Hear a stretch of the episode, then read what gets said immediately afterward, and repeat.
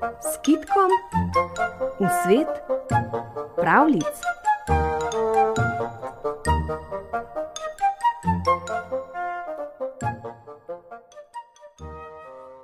Živela sta dedek in babica. Šla sta v gozd nabirat gobe in pod drevesom sta našla račko. Račka pa je šepala. Pobrala sta jo in odnesla domov. Na klopi pri peči sta ji naredila mehko gnezdo iz perja.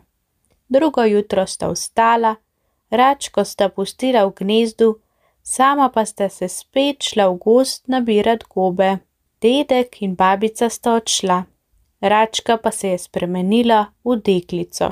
Perje je pustila v gnezdu, vstala je, se zasukala, izbo je pometla, prah je pobrisala, vode nanosila in kolačkov napekla.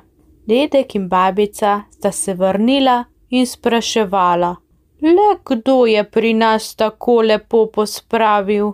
Pri vas je šepava deklica vode nanosila, so jima rekli sosedje. Drugo jutro sta se dedek in babica skrila v shrambo. Račka se je spet spremenila v deklico in je šla po vodo. Dedek in babica sta pritekla, pograbila njeno perje in ga vrgla v peč.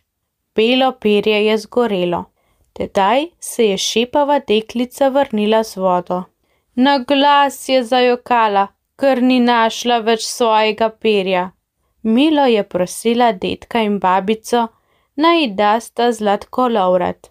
Ko ga je dobila, je sedla na stopničke pred hišo in je predla. Tedaj je poletela nad hišo jata labodov. Ptice ljubeznive, dajte mi perja, jih je poprosila deklica.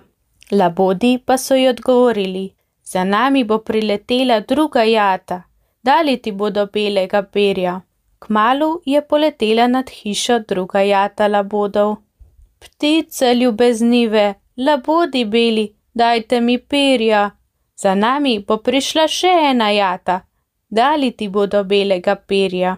Tedaj je priletel en sam samcat bel labod in vrgel je belega perja izpod neba. S perjem se je deklica pokrila, postala je spet račka in je odletela. Dedek in babica sta gledala za njo in milo jokala, a račke nista prijokala več.